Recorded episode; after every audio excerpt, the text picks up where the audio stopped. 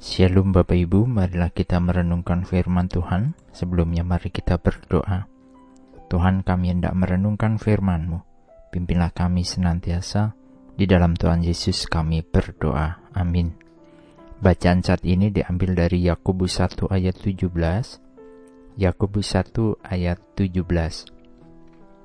Setiap pemberian yang baik dan setiap anugerah yang sempurna datangnya dari atas diturunkan dari Bapa segala terang.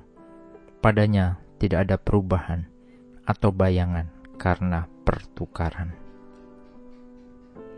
Tuhan menciptakan bumi dan segala isinya, serta juga manusia adalah baik adanya.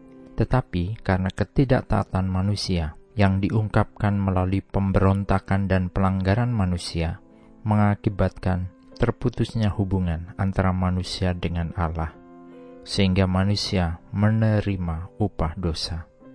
Dosa dipandang sebagai perbuatan yang tidak sesuai dengan kehendak Tuhan, baik itu melalui pikiran, perkataan, dan perbuatan manusia.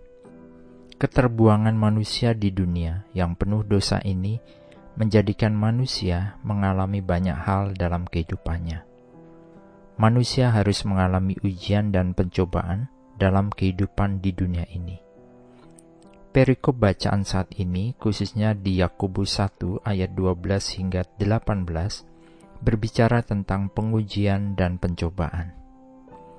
Hidup di dunia hampir pasti yang banyak diceritakan adalah tentang ujian dan pencobaan hidup. Untuk rasa syukur mungkin ada, tapi jarang diungkapkan.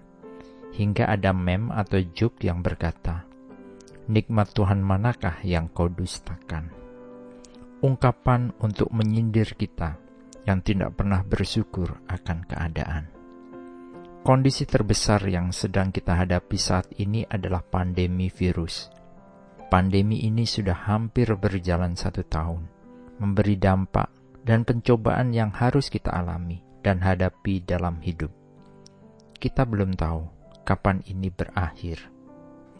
Sebagai orang percaya, kita diajarkan tentang bagaimana kita di dalam ujian dan pencobaan hidup.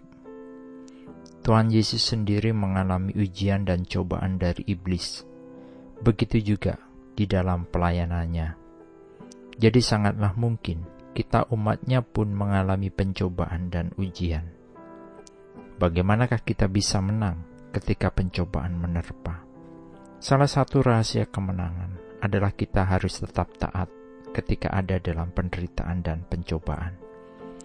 Kadang kita tidak sabar menunggu kehendak Tuhan, sehingga kita tidak taat. Kita ingin segera mendapatkan penyelesaian.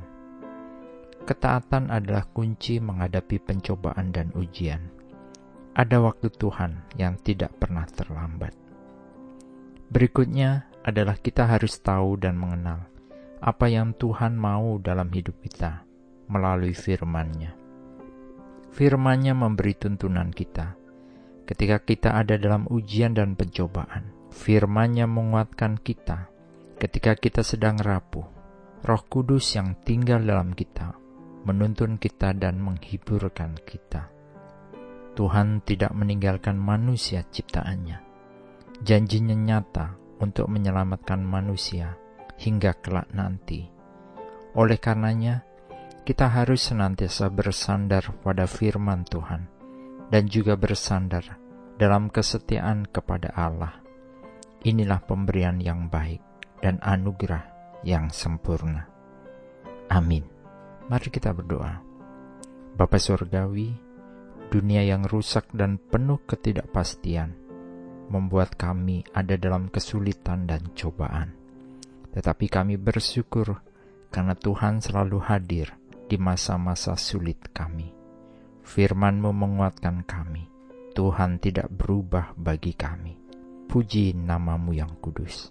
Dalam nama Tuhan Yesus kami berdoa. Amin. Tuhan Yesus memberkati. Shalom.